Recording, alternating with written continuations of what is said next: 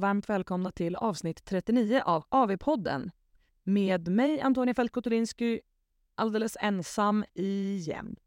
Ehm, den här veckan så hade ju jag och Hanna en eh, plan att eh, vi skulle prata igenom hela Dubai, eh, event för event, med hur det kändes för henne, lite mer ingående än förra veckan. Och vi hade också som plan att vi skulle prata igenom Vodapalooza-workoutsen som har kommit ut hittills eh, och se lite grann vad vi tycker om dem och att vi potentiellt skulle ha med Maria.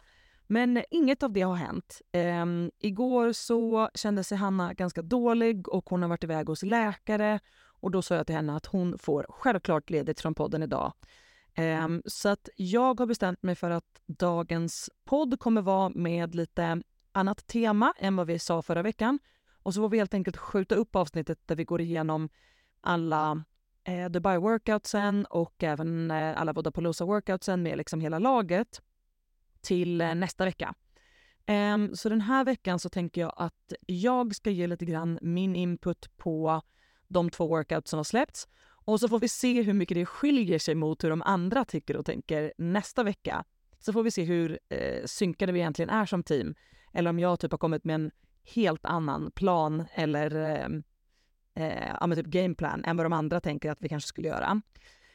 Um, och sen så har jag också eh, tänkt att jag ska ha med min kära make lite grann och ställa lite frågor till honom kring hur det är att leva med en eh, crossfit-idiot tänkte jag säga, men elitatlet. jag tror att de två faktiskt är typ samma sak. Um, så att han ska få ge lite grann sin input på hur enkelt det är att leva med någon som ska iväg och träna två gånger om dagen, som pusslar för att få ihop livet, som ibland är hungrig och förbannad för att de går på diet, som ibland är stressad och nervös över att de ska iväg på tävling eh, och egentligen allt som hör därtill. Och så tänkte jag också att vi ska fråga honom lite grann om när han var elitatlet, för att han har faktiskt också varit det och tävlat jättemycket i eh, triathlon och i Ironman. Eh, så jag tänker att den delen är egentligen dagens tema. Men innan vi plockar in honom i podden så tänkte jag gå igenom lite grann hur vi mår, för det är någonting vi alltid gör i podden. Eh, veckans värsta workout och då de här två workoutsen som har släppts för eh, Vodapalooza. Så att eh, jag tänker att vi kickar igång med hur vi mår.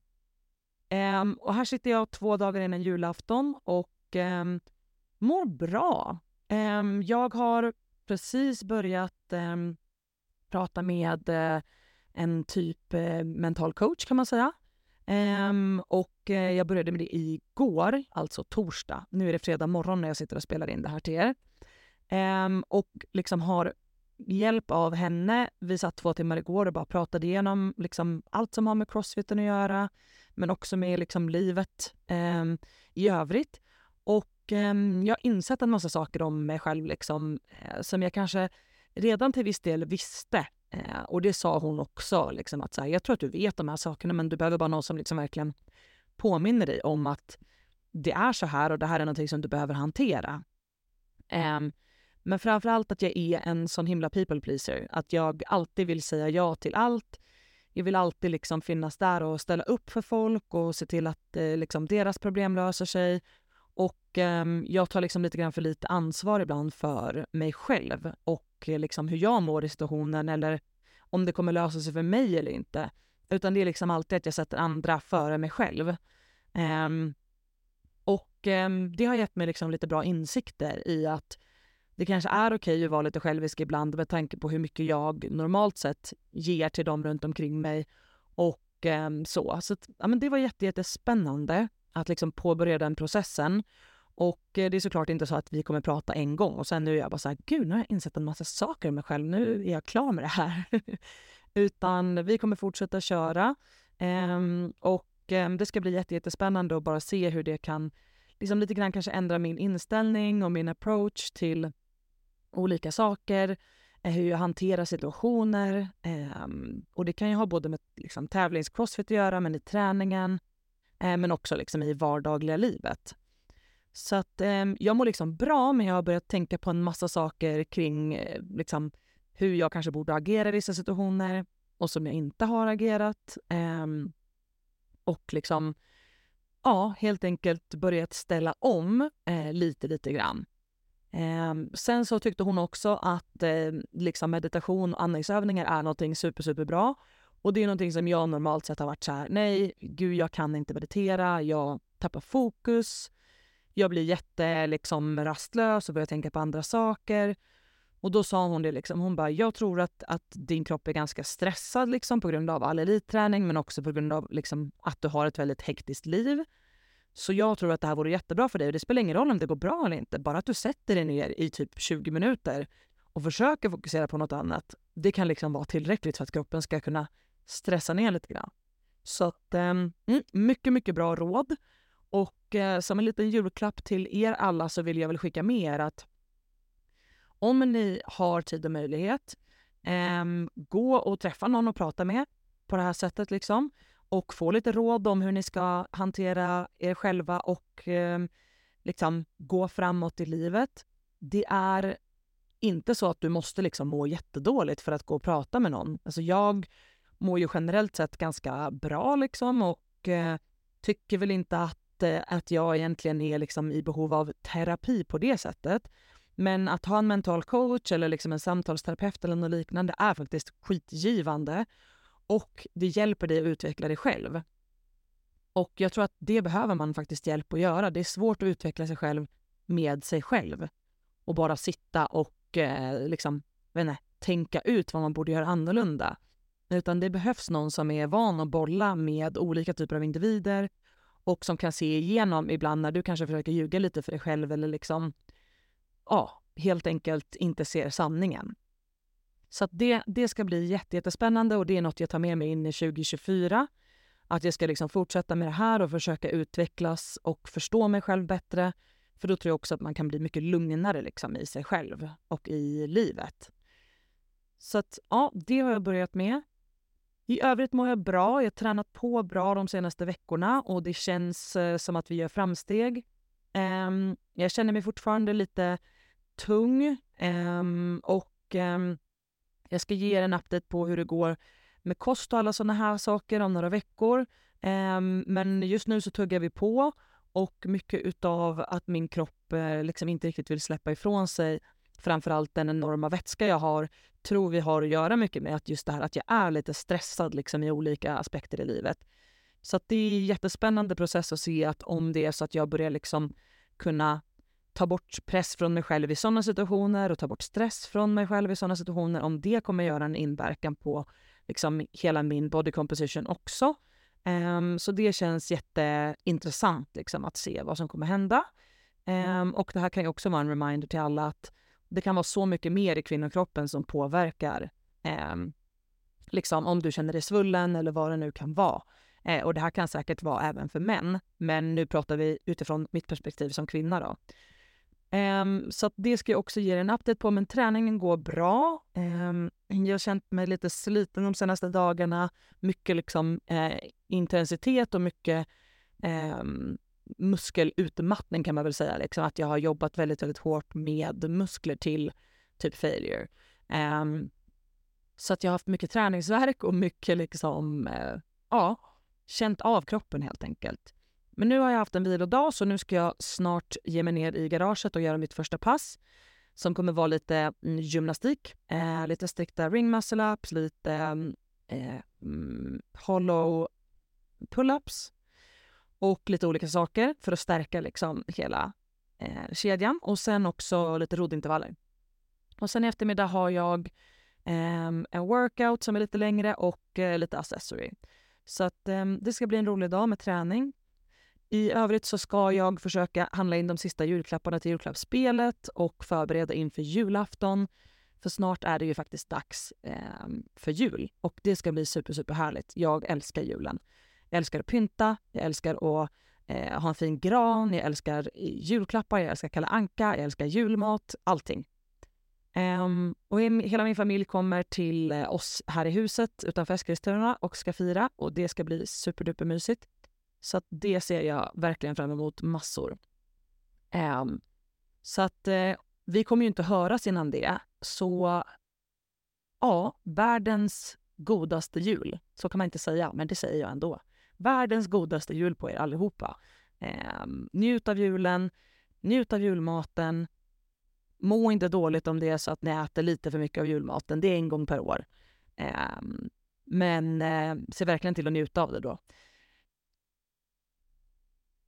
Sen tänkte jag på, nu fick jag typ som en brain fog. Min hjärna var tvungen att liksom processa, vad är nästa steg här i podden? Jo, nästa steg här i podden är ju att prata om veckans värsta workout. Och jag tror på riktigt att anledningen till att jag fick sån brain fog nu är för att den här workouten var så vidrig så att jag eh, har typ förträngt hur det kändes. Um, jag körde den här workouten i måndags med Erik Rubio, min gamla lagkamrat från eh, Crossfit Nordic-laget 2022. Shoutout till honom. Um, och honom har jag kört med både måndagens och tisdagens pass den här veckan, vilket var jätteroligt att få köra med honom. Eh, jag har saknat den lilla parveln. Han bor ju i Köpenhamn numera och kör på Butchers Lab. Ehm, men jag hoppas att hans utbildning bara tar slut omgående och han kommer hem. Ehm, men då körde vi i alla fall en EMOM som på pappret såg jobbig ut, men i verkligheten blev en fullkomlig misär.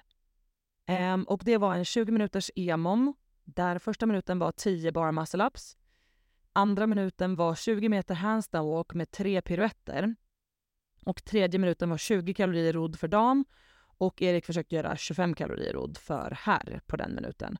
Och sen en minuts vila gånger då, eh, det blir fem varv.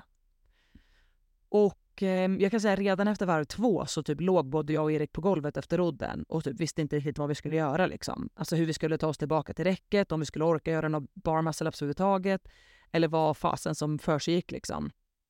Och eh, det var verkligen så här, Samuel stod bredvid oss och undrade vad som hände. Och typ så här, ah, är ni klara nu? Och då hade vi inte ens kommit halvvägs i den här workouten. Jag kan liksom inte riktigt förklara vad det var som gjorde det så himla jobbigt. Jag tror typ att det var att allting blev drag. Så att det var drag i bar muscle det var drag, alltså det är inte drag i handstandwalken men det är liksom att man pressar sig framåt om ni tänker. Att man liksom puttar på med fart. Och sen var det drag i rodden och där var man tvungen att ro så pass hårt för att liksom hinna de här 20 kalorierna. Så jag var tvungen att rigga någonstans över, fem, nej, över 1400 kalorier i timmen på rodden liksom. För att hinna dem.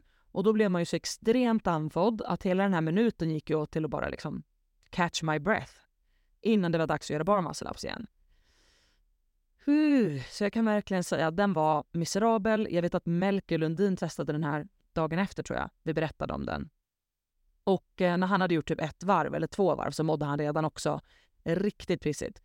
Så att eh, om det är någon där ute som verkligen vill testa på en workout som var miserabel, testa den. Den var, nej, den var riktigt, riktigt sjuk faktiskt. Um, det känns som att vi borde typ inkludera veckans bästa workout också, men jag kan inte riktigt komma på det nu för att typ det mesta jag gjort den här veckan har varit ganska jobbigt faktiskt. Um, men det kanske får bli en 2024 eh, promise.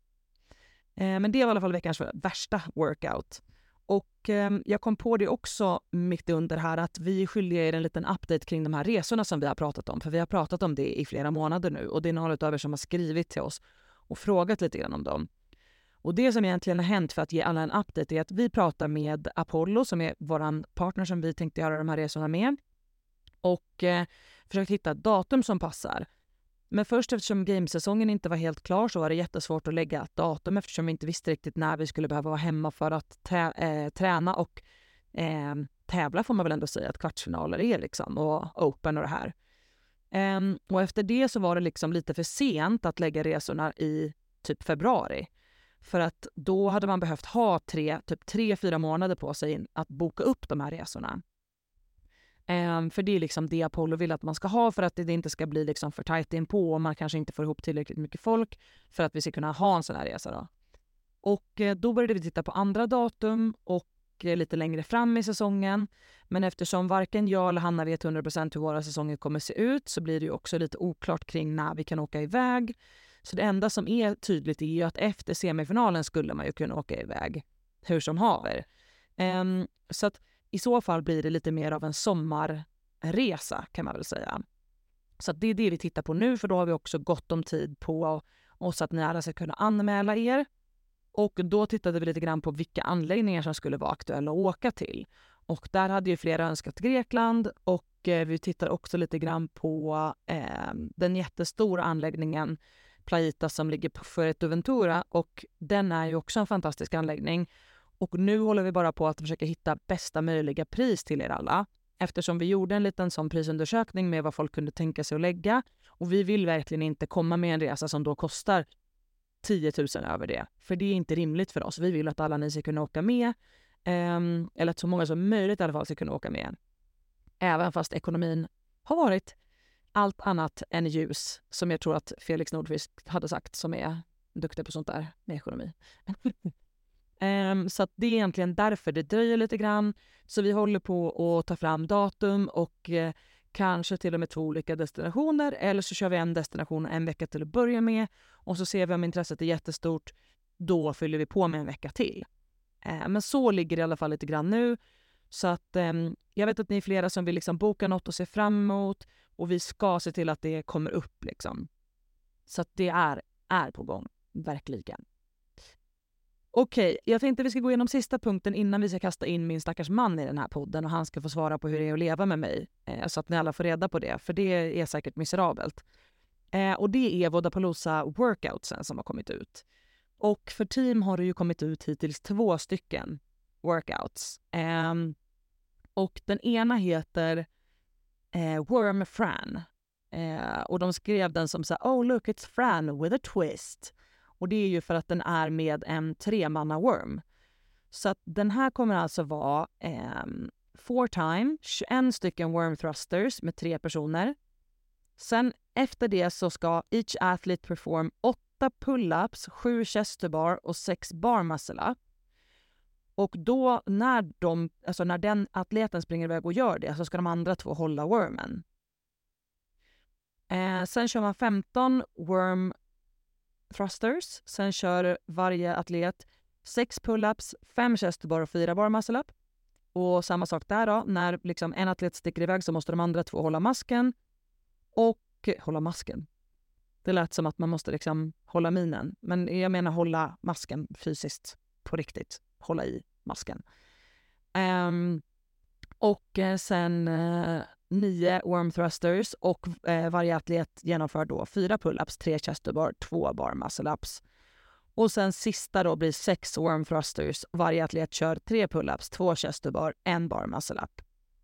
Så att man måste då liksom ha bra kommunikation så att en atlet springer iväg och kör de här grejerna medan de andra två klarar av att hålla masken. Men gud, jag, kan inte jag måste sluta säga det. Hålla wormen får jag säga, för jag klarar inte av det här. Jag tycker, jag tycker att det låter jätteroligt. Nu, det är nu man saknar Hanna extra mycket, för hon hade skrattat jättemycket åt mitt roliga skämt. Men nu får alla ni göra det.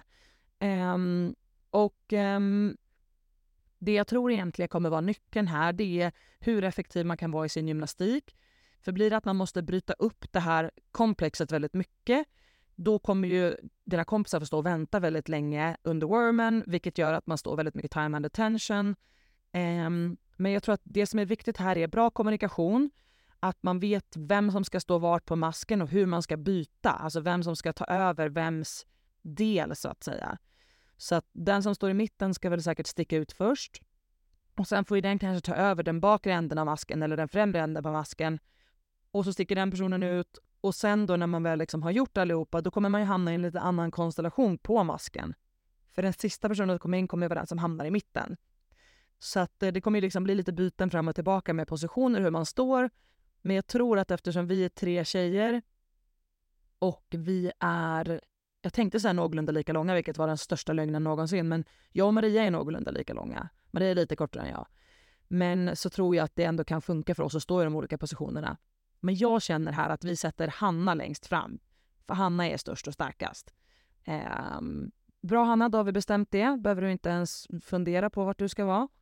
Och sen eh, typ jag och Maria bak där. Antingen jag i mitten och så Maria längst bak så att det sluttar fint på masken. Um, och um, jag tror att nyckeln här är att liksom orka hålla i alla thrusters unbroken eh, och sen kunna sticka iväg snabbt och att man kan hålla med väldigt, eller väldigt små, väldigt få eh, avbrott på gymnastiken eller helt enkelt unbroken. För att tittar du på 8 pull-ups, 7 chest to bar det är 15 reps totalt och sen direkt in då i sex bar muscle-ups. det borde vi liksom kunna lösa, tycker jag. Men frågan är ju om det blir sen lite väl tungt när det kommer 6-5-4, 4-3-2, 3-2-1. Men då är det så lite reps liksom, i räcket att nej, jag tror faktiskt att det, det blir till att försöka hålla unbroken. Annars hamnar man säkert efter. Um, hur som haver har den här workouten en time cap på 13 minuter och eh, det tror jag absolut att man ska kunna lösa om man är ett starkt lag liksom, som har gjort worm thrusters innan. Och eh, det får man ju ändå säga att eh, det har vårt lag gjort. Så att, ja, men jag tycker den här ser kul ut. Jag tror att eh, det som kan bli jobbigt liksom är eh, att man generellt sett blir väldigt trött i coren när man står med wormen och att det påverkar gymnastiken. Så man får försöka verkligen liksom kanske ha på sig ett bälte under tiden man står med wormen och så kunna ta av det när man kör gymnastiken, eller öppna upp det liksom. Och försöka tänka på att inte låta eh, bålen bli liksom alltför eh, utbränd. Eh, men det var den första workouten för lag som har släppts. Sen har de också släppt en som heter Ono dos tres. Gud, hörde ni vilket bra uttal? väldigt... Jag kan väldigt många språk. Um, den är i alla fall lite avancerad, men jag ska försöka förklara den för er här. Um, det står att uh, it's all about teamwork um, och det får man ju verkligen säga att det stämmer. For time då, i den här workouten så är det 20 wallwalks, 40 strikta handstand pushups, 60 vanliga handstand pushups. Och här ska en person stå i handstand hold, en person jobba och en person vila. Um, så att man skiftar egentligen vem som jobbar, vem som står i handstand hold och vem som vilar. Och här står det ju faktiskt inte om det här är en freestanding handstand hold eller om det är en handstand hold mot vägg. Um, men här tror jag verkligen att um, Maria är väldigt, väldigt snabb på wallwalks. Så jag kommer tänka att vi kommer låta henne göra en hel del av wallwalksen. Eh, kanske i början. Och sen att jag eller Hanna avslutar på wallwalksen Eh, för att sen jag och Maria ska kunna jobba av de strikta handstand pushupsen. För det tror jag att både jag och Maria är ganska snabba på. Eh, och där tror jag att Hanna kommer kanske göra... Jag, äh, ah, men gud, jag kan inte prata den här podden. Vara mer den som kanske står i en handstand hold eh, och liksom låter mig och Maria växla mellan att vila och att jobba. Eh, för att strikta handstand pushups är hon inte lika vass på. Men när det kommer till kippade handstand pushupsen så kommer vi kunna liksom byta av alla tre och verkligen rotera runt. Ehm, men det här tror jag kommer vara snabbt liksom gjort för oss, den här första delen. Sen har vi då 240 synkro double unders. Då hoppar man liksom tillsammans bredvid varandra, precis som vi gjorde på games när vi skulle synka alla fyra. Vilket för övrigt kan ha varit den löjligaste grejen vi någonsin har gjort på games faktiskt. Eller kanske när vi typ puttade bobben med cykelhjälm så kände man sig också lite löjlig. Men nej, men när vi hoppade fyra personer liksom synkat hopprep, då kände man liksom så här, är det här verkligen the pinnacle of fitness? Jag vet inte. Men eh, i alla fall så ska två personer synkronisera och en person vilar. Um, så här misstänker jag att vi bryter upp det liksom i rimliga setstorlekar så att inte en person, för det är en person som blir kvar liksom hela tiden. Um, så säg att man kanske hoppar, vad vet jag, eh, 50 reps. Och så kliver en ut, den andra står kvar. Då blir det 100 repetitioner för den personen. Sen står den andra kvar, då blir det 100 repetitioner för den personen. Så att man liksom kör på det sättet så kanske man kör 50, 50, 50, 50, 40. Ja, eller liknande. Och eh, sen efter det springer man fram till skivstängerna då och då är det 60 deadlifts, 40 hang cleans och 20 front squats. Och här ska alla tre synka. Så här är det ingenting någon vilar liksom så, utan alla kör i synk. Och vikterna är då 95, 105, 115. Och jag förstod inte riktigt om det är så att marklyften då är på 95, handcleansen är på 105 pounds och eh, frontsquatsen är på 115, eller om det är tvärtom. Eh, och att då marklyften är på 115. Men hur som haver, det är inga jättetunga vikter utan det här handlar verkligen liksom om att orka hålla i. Eh, det kommer vara mycket grepp på första delen. För det är 60 marklyft, sen är det 40 handcleans. Så att här tror jag verkligen att det kommer handla om grepp för min del i alla fall. Oj, hörde ni plinget? Det är Hanna som är vaken. Um, så att um, hoppas att hon mår topp eller topp. Um, och uh, lyssnar på podden så här i efterhand när jag har pratat själv om Vodapalooza och bestämt vad hon ska göra. Så nu när jag tänker på det så tänker jag faktiskt Hanna, du får göra alla marklyft med alla tre stänger. För om det bara är 95 pounds så är det fortfarande absolut lätt för dig, så att du löser det. Toppen. Nej, jag bara skojar. Eh, men jag tror att det kommer bli mycket grepp för min del. Jag tror att det kommer bli ehm, um, höft sen när man väl kommer till front squatsen. Där är det bara liksom att grinda och bli klar. 20 reps är liksom inte så mycket när man tittar på det, men efter alla de här marklyften och alla de här handcleansen så kan det nog bli ganska, ganska jobbigt. Så att ja, den här kommer vara som Maria skrev, vilken jäkla pump och eh, det är typ exakt vad det kommer vara. Så att eh, nej, den, den här kommer bli tuff men jäkligt rolig tror jag. Eh, mycket, mycket teamwork, mycket strategi. Sånt gillar jag. Eh, men hörni, vi ska se nästa vecka vad tjejerna tycker om mina planer. Om att Hanna till exempel ska göra alla marklyft. Hoppas att hon är med på det. Eh, men nu tänkte jag att jag ska ta och plocka in min kära make och så kör vi några frågor kring hur det är att eh, leva med en elitatlet. Så får ni reda på det. Jag tror att vi kommer komma fram till att det är fantastiskt. Så att eh, låt oss ta in min kära make Jesper Fält Kotulinsky och eh, fråga honom. Okej, då säger vi hej och välkommen till Jesper Fält Kotulinsky, a.k.a. my husband, a.k.a. the one I live with, a.k.a. the one that has to live with me och så vidare. Stämmer. Tja. Tja! Vi har även med två hundar i podden. De eh, skulle prompt vara med. Eh, Varg ligger i Jespers knä. Jag ska lägga ut en bild på det här på vår Instagram så kan ni få se. Det ser alldeles fantastiskt ut. Han ligger som en liten kringla. Han tror typ att han är en knähund. Fastän han är stor. Ja, lite så. Lite så. Ja, jag har ju sagt att jag ska ha med dig i podden för att du ska få berätta hur det är att leva med mig. Men jag tänker så här. Back in the days så behövde jag ju först leva med dig Yep. när du var elitatlet. Yep. Så det här är ju egentligen bara payback. Lite så. Ja. Ja. Ehm, när vi träffades 2012. Ja, Ja, kanske. Det borde vi kunna komma ihåg. Ja. båda två. 2012 är jag Ja. ganska säker på. För jag bodde i Österrike 2011 till 2012 väl. Och så kom jag hem och så på vad heter det, våren 2012. Och så träffades vi på sommaren 2012. Ja. Tror jag. Ja. Vi hoppas att det är så. Om I vi Arvika. två i Arvika. Ja, av alla ställen. Exakt. Men om vi två säger att det är så. Ja. Då måste ju alla i podden tro på det. Absolut. Okej, bra. 2012, sommaren 2012 när vi träffades, så träffades ju vi på en triathlon-tävling Yes, på SM i Arvika. på SM Arvika. Ja. Och eh, det var ju inte en slump. Inte var det för att jag höll på med triathlon, men det var ju för att eh, du höll på med triathlon. Jag höll på med triathlon och du jobbar Och jag jobbade med cyklar. med cyklar, det stämmer. Yes. Eh, kan inte du berätta lite grann om eh, hur det var när du höll på med triathlon? När började du? Och eh, ja, hur... Eh, Eh, jag började med, jag körde min första triathlon när vi var 14 tror jag. Mm. Eh, I Åhus i Skåne. Ehm, och nu hoppar vargen ner här. ja, Ehm, och ehm, vad fan ska jag säga om det? hur kom det sig att du började med triathlon? Alltså vad var det som lockade dig med sporten? Min morbror, eller ingifta morbror, eh, Ja. höll på med det.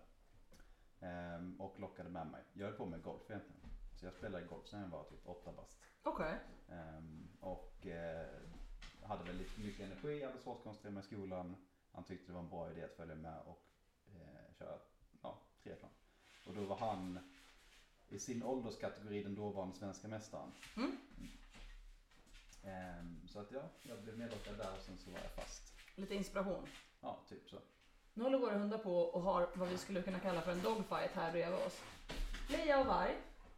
Matte och Husse spelar in podd.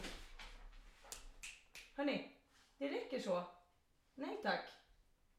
Vi pratar om triathlon. Det har inte ni någon erfarenhet av, så ni kan vara tysta i bakgrunden vore toppen. Ja, ni hör, vi har jättebra pli på våra hundar också. Ehm, men du började med triathlon då på, med lite inspiration från din ingifta morbror. Ja. Och efter det då, hur började du liksom komma in i träningen? Vad, eh, vad var nästa steg för dig? Du testade på och sen blev du fast. Ett- Jag tror inte, alltså när man börjar, nu, alltså jämfört med mina, alltså de jag tävlade mot då så var jag ganska sent inne på det. Eh, men även när du är 14 eh, bast så är det ju inte så att du tänker så jättemycket på vad du gör. Eh, utan du har kul. Ehm, och i det fallet så var det ett ypperligt tillfälle för mig att, att göra av med, med energi. Eh, Mm. Jag var helt värdelös i skolan. för att kunna sitta stilla. Eh, jag var alltid den som satt längst bak och kastade papper på, på fröken. Jag var också den som första som blev utslängd fick sitta i korridoren. Eh, av de anledningarna. Just det. Ehm, Så att, och det ändrades faktiskt när jag började med triathlon. Ehm, Så dina lärare var väldigt tacksamma över att du började cykla, springa och simma? Ja, Ja. eller jag tror det i alla fall. eh, Det hoppas jag. Jag var Ja. i alla fall mer närvarande. Ja men det låter ju toppen. vad skulle du säga, vad skulle du säga var din favoritgren utav, eh, triathlon består ju då av, eh, man simmar, sen cyklar man Yes. och sen springer man. Ja. Ehm, allt hänger ihop, ni som håller på med crossfit. Tyvärr får man ingen vila emellan, om man inte i och för sig sett, man kan ju sätta sig och vila men då kommer man ju typ sist. Men hur som haver, det hänger ihop, det är en lång effort eh, beroende på vilken distans man kör. Men den minsta distansen som finns är väl olympisk? Nej, sprint. Nej, sprint. Och den tar väl för, för en, en glad amatör runt en timme skulle jag säga. Ja. Ehm, så att det minsta man behöver göra är att köra en jättelång jobbig workout som är en timme som innehåller löpning. Mm, inte så himla kul tycker vi. Men det tyckte Jesper i alla fall var roligt. Yes. Ehm, hur som haver då, eh, vilket var ditt favoritgren eh, liksom? Var det simning, var det cykling, var det löpning? Cykel. Cykel. Alla dagar i veckan. Ja. Jag misstänkte nästan det med tanke på att du sen har fortsatt hålla på med cykel. Bara cykel. Bara cykel. Yes. Men eh, hur tacklade du då liksom att cykel var det som var roligast men du behövde ju också lära dig både löpning och simning. Liksom vad, eh, vad eh, höll dig motiverad för att liksom jobba på de sakerna också? Eh, motiverade nu bara att det var, att det var kul. Det var alltså, eh, triathlon är inte så jättelångt ifrån en, en crossfit-community. Eh, Det är samma Mm. typer av, ursäkta mig men idioter, som håller på med det. Bra älskling, gå in i podden och kalla alla idioter. Mm. Jag tror att vi är lika knäppa båda, från båda sidor. Mm. Man behöver vara knäpp för att hålla på med crossfit och man behöver vara knäpp för att hålla på med triathlon. Ehm, men det är communityn som håller ihop det.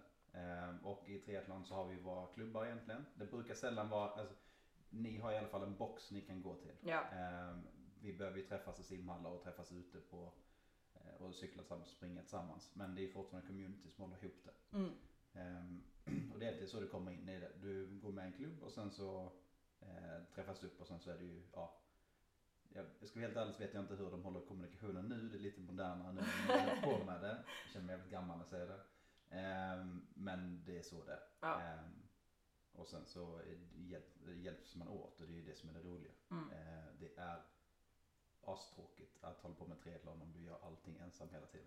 Ja. Um, vilket när du börjar bli lite duktigare är det du kommer behöva göra eh, i, många fall. Men ja, community är det roliga. Ja, alltså man såg ju dig många timmar på trainer när vi eh, var tillsammans i början. Då kunde Jesper sitta och kolla igenom alla Born-filmerna. Alltså Born Ultimatum, Born Legacy, Born, vad fan alla heter nu då.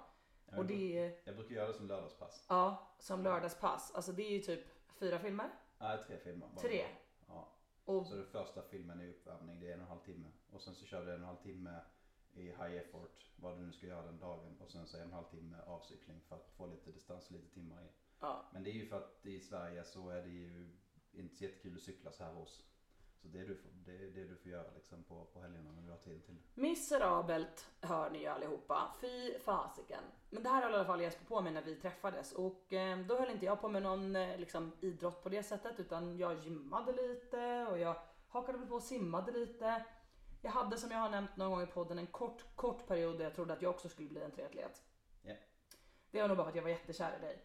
Ehm, och ehm, vi har ju kommit fram till att det kanske inte var sanningen. Jag är ju inte riktigt byggd för att hålla på med triathlon skulle man ju kunna säga. Men jag försökte och eh, då lärde jag mig simma, vilket var jättebra. Det har varit bra för min crossfit. Vi kan väl säga så att du har ju byggt dig själv mer att, att Val håller på med crossfit nu de senaste åtta åren. Jag såg inte ut som en triatlet innan det heller. Jag har tittat på bilder. Jag ser lite grann ut som en säl som har tagit mig in i en triathlondräkt och satt på mig en sån här skärmkeps. Men sälar simmar snabbt. Jo, men de springer inte snabbt. Sant. Mm, exakt så. Ehm, men i alla fall då så efter eh, några år där så eh, blev ju du egentligen tvungen att lägga av med din elitsatsning. Ja. Eh, vad var det som hände då? Det sprang sönder mitt knä. Mm. Eller egentligen var det cyklingen som gjorde det troligtvis. Men jag, eh, ja det var, knät gick sönder på, på ett löppass. Mm. Sen ägnade jag drygt två år eh, åt att försöka eh, lösa det. Mm. Eh, men sen var det bara djup. Eh, ja. eh, när man inte kan sova på två år så är det dags att avsluta. Ja, precis. Och du fick ju egentligen typ förslitningsskador i knät va? Alltså efter så pass mycket träning och så många timmar på cykel och... Eller vad var det de liksom till slut sa att det var? Nej, det är en typ av slitningsskada. Ja. Eh, egentligen skulle man kunna Alltså ja, man sit- sitter fel på cykeln och så Mm. sitter du och nöter på det sättet när du är ganska ung. Ja. Eh, hamnar i fel position. Eh, och sen så blir du äldre, blir starkare, lägger mer kraft i det. Och eh, ja, till slut så bygger du inte upp knät, framförallt i min del, och musklerna runt omkring det på det sätt du skulle ha gjort. Så när du väl börjar belasta med 30 timmars träning plus i veckan så, så går det sönder. Och när det väl börjat gå sönder Ja. eh, så överbelastar du andra delar och sen så är det bara liksom en spiral. Mm. Så det är svårt att hålla sig bort ifrån när du väl har lärt dig fel rörelsemönster från början. Ja. Men då hade du tävlat en hel del på... ehm, du tävlade både olympisk distans men framförallt halv Ironman tävlade du ju på. Jag, jag var framförallt på väg in i halv Ironman. Ja. Mitt, mitt mål eh, var självklart den, alltså själva kungadistansen med, med en Ironman. Mm. Eh, men den får du eh, återigen jag vet faktiskt inte hur det är just nu men då var du tvungen att vara 18 för att göra en Ironman. Just det. Ehm, Så att jag gjorde, genomförde hela juniorperioden egentligen Mm. med sprinter och olympisk distans. Ja. Ehm, Så kortdistans triathlon. Mm. Ehm, Och när jag fyllde 17 eller 18 så genomfördes min första halv Ironman och sen så gjorde jag det i 3-4 år innan Mm. jag skadade mig. Mm. Så jag hann aldrig under min, min karriär egentligen göra en Ironman. Jag hann aldrig gå upp på den distansen. Nej men sen så gjorde du ju, alltså trots skada och allting så kände du ju att du behövde göra en Ironman bara för att ha liksom fått genomföra det efter din elitsatsning. Ja, de två åren efter jag skadade mig var ju ganska, alltså ganska tufft mentalt. Ja. Eh, Du har liksom byggt upp en, en image av dig själv som, som en atlet. Alltså i mitt fall så var jag ju en triatlet. Mm. That's it. Liksom. Ja, exakt. Ingenting annat. Ehm, så att, att bearbeta den mentalt är inte, eh, ja det är ganska jobbigt. Mm. Ehm, och jag kom fram till slut att det, det jag behövde checka av var den där Ironmanen. Ja. Ehm, och eh, jag behövde göra det på ett sätt som, som liksom tillfredsställde, tillfredsställde mitt ego. Mm. Ehm, så att eh, jag valde ut att börja träna till en Ironman igen i smyg. Det var ingen som visste om det. Eh, och- Jo tack, jag visste om ja, det. du visste om det. och din far visste om det för jag var tvungen att be om eh, ledighet. Just det. Eh, men min egen far visste inte om det. Nej. Inte än. Ehm, och valde ut en Ironman-tävling som går på Lanzarote. Ja, den värsta av alla typ. Förutom Ja, en, en av de värsta en av de värsta. Ehm, där jag visste om att jag skulle kunna vara nöjd att bara genomföra det och tiden inte skulle spela någon roll. Mm. Ehm, och eh, jag åkte dit eh, och meddelade egentligen nära och kära typ två, tre dagar innan att jag skulle köra den. Mm. Ehm, och ja, du var ju med så det var en lång dag på, på eh, Om ni, tycker att, om ni tycker att det är jobbigt att kolla på crossfit-tävlingar bara Oh my god, det här eventet är så himla långt. Alltså då kan man ju verkligen tänka sig att först sticker de iväg på simningen. Och då ser man dem är på stranden så här och så sen simmar de bara ut så är det bara ett töcken av folk. Alltså bort en timme. Och sen borta en timme. Och så kommer de upp och man bara yay! Wow, you go Jesper! Och sen sticker han ut på cyklingen borta Fem. fem timmar. Ja. Sen kommer han in igen. Yay, jättebra älskling! Ut på löpningen! Och sen är han borta. I mitt fall så var det ganska lång tid för jag kunde inte springa. Det var mitt knä var i kast. Exakt. Eh, Så jag tog mig igenom cyklingen på ganska bra tid för det Ja. lyckades jag med. Ehm, Jag kommer inte ihåg tiden om jag ska vara ärlig. Men Nej, återigen, då spel, spelade det faktiskt ingen roll, det var det som var poängen. Ehm, Men löpningen, jag gick hela maran. Du sprang visst lite grann. Jag hakade mig fram. Ja, men okej, sprang. Det Du, var i närheten när jag såg dig, sen, sen är jag inte så där längre, du började gå igen. Ja, Okej, det var så. Hela Ja. sista tror jag fem kilometrarna så gi- gick, sprang jag med dig. Ja, ja men det stämmer. Eller var det var fem, ja, Ja, fem de- kilometer? De sista kilometerna i alla fall. Ja. Ja. Ehm, Men nej, det tog, det tog lång tid. Det, alltså min, min löp... Det tog faktiskt fortfarande inte så lång tid. Det är roligt att Jesper sitter och säger så här, nej det tog så lång tid. Han hade typ fortfarande en bättre tid än jättemånga som Nej. tävlar seriöst i Ironman. Fastän han gick hela maran. Så, men ja, nej. Jag för mig att maran tog mig sex timmar. Ja, Eh, någonstans där. ja. Ehm, Så att nej, det, jag har inte gått hela. Men Nej. det var inte, det var inte man, får, man kan inte kalla det löp, löpning. Nej, nej, nej, nej, absolut inte. Men i och med att du gjorde så pass snabbt på cykeln och på simningen så fick du ändå en tid som var så här absolut inte fruktansvärd. Nej, nej, alltså, det var tillräckligt bra för att jag skulle kunna vara nöjd med det och kunna Ja. liksom checka av att nu har jag gjort min Ironman och kunna släppa triathlon. Ja. Och jag har ju lovat, eh, eller jag har sagt att någon gång i livet ska jag genomföra en Ironman. Men det får bli senare och då ska jag typ banta ner mig tänker jag, eh, typ 15 kilo eller någonting om jag ska orka med det. För att annars kommer inte jag orka bära den här kroppen över berg och vad fasen det nu är på cykeln och sen springa fyra jävla mil, mer än fyra mil på slutet. Då kommer jag att dö. Alltså vikten blir ju ett, ett moment som man behöver kanske hantera. Ja. Eh, eh, inte utifrån din del utan rent generellt sett. Ja exakt. Det är, ehm, jag, var, jag ansågs nog vara en av de absolut tyngsta under junioråren. Eh, då vägde jag eh, ungefär 77-78 kilo. Ja. Eh, och, Men det gör ju jag, så det är ju lugnt eller? Ja, Jag är bara ingen man, kom jag på. nej, och jag vägde nog en 10-12 kilo mer än vad den näst tyngsta gjorde. Okej, så jag behöver bara gå ner 10 kilo, inte 15. Ja men Ja, precis. toppen. Eh, Så att, eh, nej, alltså, men det är samma sak. Alltså det, det, jag skulle förflytta vikt under långa distanser. Så ju mindre vikt du har desto bättre är det ju. Ja, det är faktiskt väldigt sant. Ehm, men när du egentligen typ precis hade blivit klar med det här så hade jag ju precis hittat crossfiten. Ja. Ehm, och det var ju egentligen du som berättade för mig vad crossfit var. Ja, Du sa, ja, ah, jag har sett det här i Danmark. Det är en massa idioter som svingar omkring på kettlebells och typ gör massa konstiga övningar. jag tränade crossfit Och ett halvår. Jag vet att du gjorde det. Ja, ja men det vet jag att du gjorde. Men eh, när jag frågade dig, vad gör de för någonting när de sprang i Västra hamnen? Då sa du typ såhär, ah, det är crossfit. De, ja, börja för helvete inte med det. ja men typ så Någonstans. tror jag att han sa, ungefär så. Ja. Och då gick jag ju så- såklart direkt dit och började. Alltså immediately dagen efter. Ja, det är det sämsta jag kan säga till dig. Ja, absolut. Säg inte, gör inte det här. För då kommer jag springa dit. Ja. Eh, men hur upplever du då att det har varit att vara med under hela den här resan? Från att jag började muppa omkring på ett crossfit-gym till att jag typ dagen efter sa oj jag ska åka på det här som heter crossfit games. Nu tänker jag träna som en idiot fram tills jag uppnår det. Sjukt häftigt. Ja, Alltså det, det, det, kan, det kan man bara säga, alltså det, det, är ju, det, är ju, det, det komiska är ju just att när vi träffades Mm. så, så tränade jag semiprofessionellt mm. och du jobbade med cyklar.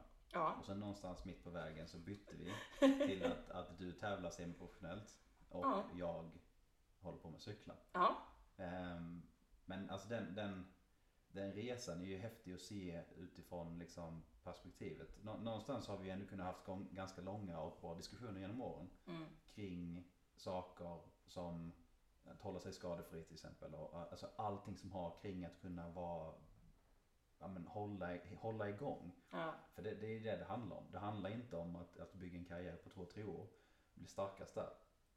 För det, det kommer liksom inte, det håller inte i långa loppet. nej, Utan man behöver göra det som du har gjort, att grinda på. Vara försiktig och tänka till och vara smart. ehm, för att hålla sig skadefri. Ja. För att det, det tar många, många år att få eh, muskler, senor, ligament, allting det här att, att liksom klara av belastningen. mm. Så när du väl kommer upp på den riktigt höga nivån och du, och du pratar om de här sista 1-2 procenten för att gå från att vara CV-professionell till att vara den absolut toppen i världen. ja, Eh, då måste kroppen hålla för det. ja, Ehm, och det är ju diskussioner som har varit extremt givande. Och det har varit kul att, att se hur du liksom ändå har anpassat dig till det och eh, anammat det. mm. Eh, och det syns ju. Eh, men du har ju knappt varit, haft någon skada överhuvudtaget under de här åren. nej, Eh, det är lite småproblem men det kommer man liksom inte ifrån. nej precis. Ehm, men nej, det var, det var häftigt. Eh, och kunna följa den, den glädjen som det ändå är med, med, med tävlandet och så vidare. Mm. Eh, och kolla på det från, från sidan. Eh, och vara en del av det. Det är, ja, det är kul. Ja. Nej, du har ju verkligen hjälpt mig jättemycket med liksom att framförallt ligga på mig när jag har kanske velat springa för fort på någon, för springa för fort på, springa för fort på bollen. Det låter lite Ja. som ett roligt, eh, men eh, när jag har liksom fått lite bråttom och kanske borde skynda mer långsamt och eh, behöver tänka på liksom att så här, vi bygger någonting för framtiden som ska hålla i många år. Ehm, och det har ju du alltid påmint mig om. Eh, så det har ju varit supervärdefullt från vår relation att jag liksom har fått den hjälpen och det stödet från din sida. Att vi gör inte som jag och liksom tränar sönder någonting så att du sen inte kan hålla på längre. Utan det är bättre att det tar två år extra men att du, du i så fall i slutändan kan hålla på två år extra. Um, och det har ju varit väldigt, väldigt värdefullt för mig. Jättelärorikt och liksom skönt att ha någon på hemmaplan som har stöttat den i det. Eh, men vad skulle du säga är de eh, sämsta sidorna med att leva med mig som atlet? Vad är det som är mest störigt? Oj, eh, alltså som, som atlet för att du ska kunna bli bäst Mm. så behöver du vara egoistisk. Mm. Eh, och det är en det är spännande situation att försöka motivera dig till att vara egoistisk eh, samtidigt som det mest eh, hamnar på min del. Eh, det blir jag som blir, jag hamnar på andra sidan av den hela tiden. Ja. Ehm, så att den, den, den aspekten, eh, absolut, den har jag ju dock förståelse för. Ja. Ehm, men det är en bit. Eh, sen är det ju positivt och negativt med kon- konstant kosthållning och konstant liksom hantering av alla, alla sådana bitar. Ja. Ehm, annars är det inte så mycket negativt. Alltså det tar tid. Mm. Men det är också ett jobb. Eh, och det är, en, det är en livsstil. Ehm, och man kanske får tänka utanför liksom men vad, vilket lev, alltså liv man, man lever och vad det ger. Ja. Ehm, det är också en, en kort period, period under ens liv som man kan hålla på med det på den nivån. Mm. Ehm, så passa på. Ehm, Ja, exakt. och inte, ja, att inte stå i vägen där men det är inte det är ingenting som hamnar i vägen för mig i alla fall på det sättet. Nej. Nej, du har ju alltid varit jätte, jätteförstående och liksom alltid när man har hört andra vars partners är så, oh, men när kommer du hem från gymmet och liksom hetsar på och typ så, kan du inte skippa en del idag, komma hem och hänga i soffan liksom. Så har ju du verkligen aldrig varit. Nej, jag trivs ganska bra ensam också så det är inget problem att du är kvar på Nej, gymmet. precis. Nej, men du har verkligen varit stöttande i att jag liksom ska få all min träning gjord och verkligen prioritera eh, de sakerna jag behöver göra liksom. Så det har alltid varit eh, väldigt smidigt och det är ju för att du har sån förståelse för vad det, alltså så här, varför jag inte kan skippa en del eller varför jag inte kan ja, vila en dag extra varannan vecka eh, utan att jag måste liksom hålla i. Men det känns som att du redan nämnde typ lite de bra delarna också. Men har du något annat att säga som är så en bra del av att leva med en elitatlet? Nej. Va? Nej, alltså det, det jag vet inte om man kan specificera Alltså jag ber om ursäkt för den här läderfåtöljen som Jesper hoppar omkring i. Den låter ju som sjunkande skeppet i, i jag vet inte vad, Shanghai. Du sa att jag skulle göra mig bekväm. Ja, Ja. jag sa att du skulle vara bekväm, men inte att du skulle åka runt i den här läderstolen. Men hallå, jag tänker så här. Eh, jag eh, har ju min partner Nocco. Ja. Ja, och de eh, skickar ju dryck till mig. Du menar att du nallar inte lite av den drycken till exempel? Nej, absolut inte. Nej, nej, okej. Nej, då har vi det on record allihopa. Eh, Jesper vill aldrig mer smaka en Nocco av mig. Så det är toppen. Eh, då vet vi. Så inga andra fördelar som du kommer... Nej. Att vi får resa, till, resa runt i världen, se nya ställen. Nej. Jo, absolut. Nej, nej, nej, okej. Ja men toppen hörni, då, då vet vi det. Ehm, skulle du säga att jag är en hangry person? Ja. Alltså, det, det, men det handlar ju mer om in, in, inställning än vad det handlar om någonting annat. Det här är ju din syn på hur det är att vara hangry. Alltså, det handlar om inställning. Ja, men det är ju det. Nej, det är det inte. ett- 100% Det inställning. är Om ett fysiologiskt beteende. nej, för fan. Du har vant dig vid att, att äta vid en viss tid och är du punktlig vid det så kommer din kropp reagera på det. Eh, that's it. Jesper är en sån här person som bara Nej men jag ska nog göra en eh, fasta idag. Inga problem. Men det är inget problem. Nej jag tycker att det är problem. Jag, I och för sig om jag ska fasta en hel dag, det har jag faktiskt testat eh, Ja. ganska nyligen. Det var inte heller något problem. Det var inga problem Nej, över en så- hel dag. Men när jag ska göra periodisk fasta, Ja, då mår jag psykiskt dåligt alltså. Ja. Det gillar jag inte alls. inställning. Nej, det är fysiologiskt. Min kropp klarar inte av det där. Okej, eh, upplever du att jag eh, brukar tvinga med dig att köra crossfit? Du har ju kört några gånger sådär. Tycker du att det är någorlunda kul när vi väl Ja, kör? Absolut. Mm. Eh, det är det. Ehm, jobbigt. Ja. Ehm, och eh, Jesper kan ju inte heller ta i lagom, alltså det, där det finns inte i hans person. Utan om vi åker och kör crossfit då är han typ så, nej men okej men vi kör något som blir lite, lite lagom så. Men sen tar ju han ändå i för kung och fosterland liksom. Eh, så då kan ju du ha träningsvärk typ två veckor efter. ja, ja. Men det, det är ju... vad, vad för mening med att träna om du inte tränar? Nej det är helt sant. Och det här kommer ju från att han är gammal elitatlet tycker jag också. Och din personlighet bara, att det är allt eller inget liksom. ja men det kanske inte allt men i alla fall nära inpå. Ja, Du kan ju behärska det lite i alla fall men att bara mesa runt då ägnar jag hellre tiden någonting annat. mm, det är Så, sant. att- så att eh, ska du träna så tränar du. Eh, Så Det här- där, därav, det är väl det enda jag inte riktigt förståelse av att ni, ni, ni tränar två gånger 25 minuter och sen så är du borta fyra timmar. Det är. Två gånger 25 minuter. Vi har ju först uppvärmning, en styrkedel. Den Ja. kanske tar typ en timme att göra. Och sen har jag ju då en workout som kanske är 25 minuter. Men då måste jag ju förbereda. Och prata mellan en timme däremellan. Ja, men det är ju community building. Sant. Det sa ju du var bra. Ja, ja. Mm. Just det. Tycker inte att du ska vara negativ kring de sakerna. Men det här med att gå eh, all out eller gå hårt, det, det tror jag liksom finns i min familj. För jag hade en gång med min bror och min pappa på, det var när, typ över jul när vi var i Malmö. Var de över jul då och Ja, hälsade på? ja, jag kommer inte ihåg men det var i alla fall i Malmö. Ja, det var i Malmö. Då var de med på Crossfit-fabriken och ehm, eh, testade på. Och då, både min pappa och min bror kan ju inte heller köra lagom. Alltså de har inget koncept kring vad lagom är. Nej, de var med den enda gången, sen har de vägrat. De har inte varit med sedan dess för att de vet att det går åt helvete. Och då var det marklyft och burpee boxen på over tror jag. Och jag kommer verkligen ihåg, varken pappa eller Tim kunde typ gå, alltså på flera dagar. De hade sån träningsverk.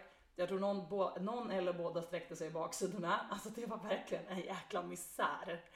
Och jag bara, ja, det är den här familjen jag kommer ifrån. Den, and, den enda som jag tror kan ta det lite så här steady, det är mamma. Absolut. Hon är ju lite mer, hon kan pacea sig själv liksom. Men hon är ju envis när det väl gäller. Men, eh, men hon kan i alla fall inse att så här, okej jag ska inte gå ut och köra då på samma vikt som de andra killarna här på klassen. För att det känns inte rimligt för jag är nybörjare och de har kört. Nej nej, min pappa och min lillebror bara, vi kör på samma vikter, vi vill inte vara sämre än någon annan och sen kan man inte gå på tre veckor. Himla toppen kombination. Ja. Men ja. Åh gode gud. Eh, vad skulle du säga då, eh, generellt sett har varit den roligaste tävlingen, alltså det roligaste året kanske då? För jag misstänker att du kommer säga games, för du har varit med på några andra tävlingar med mig. Eller nej, kommer du kanske säga, jag ska inte lägga ord i munnen på dig. Vilken har varit den roligaste tävlingen som du har varit med på någon gång? När jag har tävlat. Eh, det, nu är det svårt att, att säga. Eh, det har ju varit ett par som har varit ganska... Eh, vi har varit i, i Egypten några gånger. Mm. Det är ju trevligt eftersom att det ligger på den tiden när du helst inte vill vara i Sverige. Exakt. Eh, Games är ju kul av sin, sin natur. Ja. Eh, men jag skulle nog faktiskt säga Brasilien för jag gillar den resan. Mm, jag tänkte nästan att du skulle säga det. Ja. Det är också en av få tävlingar när, du, när det har varit vi där liksom. Inte Mm. med lag eller någonting annat. Så att Mm. det är väldigt speciellt. Ja, det var en av mina, det var måste ha varit min andra sanctional som jag gjorde. Nej, tredje kanske. För jag var, gjorde Norwegian Crossfit Championship också. Skitsamma. I alla fall, det var när vi åkte till eh, Brazil Crossfit Championship tror jag det hette. Brazil Crossfit Championship, Ja, kanske. jag tror det. Ehm, och när det var en sanctional, det här måste ju varit början av 2020 som åkte dit. Ja, det var precis innan corona. För vi, jag kommer ihåg att vi diskuterade corona på, på flyget. eh, och att vi eh, sålde, jag tror jag sålde alla, alla eh, fonder vi hade på, vä på vägen dit. Och när vi kom hem så hade det typ kraschat av någon anledning. Ja, jag kommer ihåg det också att eh, typ, jag kommer också ihåg att eh, du sa så här, ja det här skulle kunna ha liksom en så worldwide impact, liksom att det blir världens grej, typ att eh, du vet, företag behöver stänga ner, folk behöver varslas och liksom eh, ekonomin kraschar. Det kan bli liksom, alltså blir det en pandemi så blir det liksom, och jag bara nej, nej, nej. Gud, så här, jag bara, äh, det här blir en liten sjukdom och sen är det över och så här, det är inte mer med det. Och sen typ så här, från den veckan vi åkte dit tills att vi åkte hem, då typ varslade byrån där jag jobbade, för jag jobbade på eh, en eventbyrå eller en typ, de kallar sig ju säkert för en typ brand experience agency eller någonting. Ja. Ehm, men i alla fall, de varslade ju typ hälften av personalen veckan efter när jag kom hem. Jag bara, oh lord, oh lord. Jag bara, Jesper har rätt, världen kraschar. Ehm, så det var ju verkligen helt sjukt. För när jag åkte dit så var jag bara såhär, det här kommer över på två veckor. Och sen så kom covid och jag bara, jag har aldrig haft så här fel i hela mitt liv. Okej, toppen toppen. Det hade nog alla. Jag tror alla hade det. Ehm, men eh, ja, det var faktiskt jätte, jätterolig tävling. Eh, det var mycket roliga event. Det var verkligen liksom spritt över eh, helgen med vad de testade. Vi var utomhus, vi var inomhus. Och jag tyckte Brasilien var ett coolt land att vara i. Ehm, Så vi upplevde liksom mycket kul på sidan av också. Gick och käkade på någon jättefin köttrestaurang och liksom såg ändå stan lite grann. Ja. Så att ni som Sao är ute, vad sa du? Sao Paulo. Sao Paulo, precis. Så ni som är ute och såg stan lite grann. Vi såg väl typ en kvadratkilometer av så mycket stad. För Sao Paulo är ju Ja, ja, nej, det är- extremt stort. Så vi såg väl en prick. Men det kan jag verkligen rekommendera folk. Om ni är ute och ska resa någonstans för att tävla i Crossfit så är det så himla lätt att man åker dit typ på onsdagen och så tävlar man fredag, lördag, söndag och sen åker man hem på söndag kväll. Menar som du gjorde i Kina? Som jag gjorde i Kina till exempel. Alltså, jag vill säga till alla, det var inte så mycket annat att se i Kina. Jag såg pandor och de var söta men allt annat var faktiskt riktigt rövigt. Mm. Eh, hoppas ingen avlyssnar den här podden nu och så blir jag gripen för att jag har pratat skit om Kina. Eh, vi, Kina är jättebra. Eh, nej, men det var faktiskt eh, inte värt att se något annat tyckte jag. Jag gick runt på stan i Kina dagarna innan jag tävlade. Men eh, nej, jag var inte så imponerad och all mat smakade fruktansvärt. Eh, nej, nej tack Kina. Ehm, ni får behålla det för er själva. Men vart ni än åker så är det ju intressant att se saker runt omkring. För det är klassiskt att det man ser är hotellet och arenan. Och så tar man sig inte tiden att stanna en dag till och gå runt och kolla liksom i stan. Och om det är något som Crossfit har gett mig över åren så är det ju liksom nya upplevelser med att se nya ställen, men också att träffa nya liksom, kompisar och eh, helt enkelt typ börja prata med någon som kanske är från stället där man tävlar under tävlingen, få något bra tips på vart man kan gå och se någonting som man inte annars hade sett. Så att om man kan stanna typ en, två dagar extra ehm, så är det faktiskt jättevärt. För man har redan spenderat en jäkla massa pengar på att åka dit. En hotellnatt till kan vara värt för att också landa lite efter tävlingen och få se lite fler saker. Jesper nickar, men det hörs inte på podd. Nej, det är sant. Det är sant. Okej, vad känner du? Hur ser du fram emot den här säsongen då? Idag, den här säsongen har ju varit lite, min motivation har varit lite upp och lite ner för den här säsongen. Men eh, vi ska nog lösa något inför 2024 också tror jag. Känner du att eh, du känner dig taggad på att eh, följa med på fler tävlingar under det här året? Ja, självklart. Ja, det är väl superbra. ja. Vi har precis fått ett eh, garagegym också av Kingsbox, shoutout till dem. Eh, där vi tränar eh, och nu börjar vi faktiskt träna lite grann där tillsammans då och då. Men just nu är det mest eh, slagsmål om skivstången. för vi har just nu min guldskivstång. Japp. Så att, eh, vi ska försöka lösa det för framtiden. Jag har egentligen bara ett mission, se till så att mina biceps är lite större än dina konstant. Just det, just det.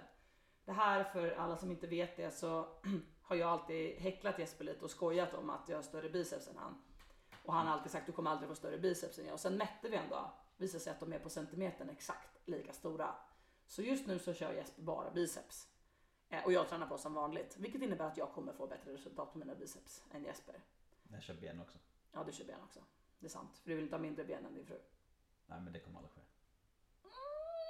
Det sa de om dina biceps också. But here we are. Are we not? Ja, ja. Men eh, ja, styrkan i alla fall kommer vara... Jag har fortfarande starkare ben än vad du är. Ja, det är faktiskt helt korrekt. Och annars så vet jag inte om vi hade varit gifta faktiskt. Nej. Nej, så keep that up, my dear husband. eh, men jag tror att faktiskt eh, de här superbra tipsen på biceps curls får avsluta veckans podd. Och så hoppas vi att eh, det var intressant att få höra lite grann om hur det är att leva med en utav oss. Jag vet inte vem som ska få berätta hur det är att leva med Hanna. Det kanske typ är jag. Med tanke på hur mycket Hanna ringer till mig på dagarna. Så jag kanske får ta den här rollen och så får Hanna fråga mig frågor om hur det är att leva med henne. Ja, Och så får jag säga så här, "Eh, lite jobbigt ibland, men också jättebra. Ja. Och så får vi se. Eller så får vi fråga typ Alexandra eller någon annan av Hannas kompisar hur det är att leva med henne. Eh, men tills dess att vi har någon att fråga så önskar vi alla i podden en jätte, jättegod jul.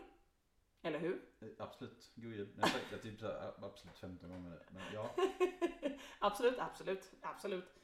Ehm, och eh, inte ett gott nytt år än, för vi kommer tillbaka nästa vecka och då ska Hanna vara tillbaka i podden som vanligt. Ehm, och eh, vi hoppas på att även då kunna få med Maria. Och det är så roligt att vi säger det varje gång, men vi glömmer typ att fråga Maria. Så nu ska jag skicka iväg ett sms till Maria och fråga om hon kan vara med i podden nästa vecka. Redan nu så har vi planerat det. Och då hoppas vi att de har släppt lite fler event till Vodapalooza. För det ser jag i alla fall- i alla fall fram emot jättemycket att få åka på och tävla med tjejerna. Men fram tills dess då, god jul på er. Hoppas ni får fina julklappar och eh, var snälla så kommer ni få det. god jul. God jul!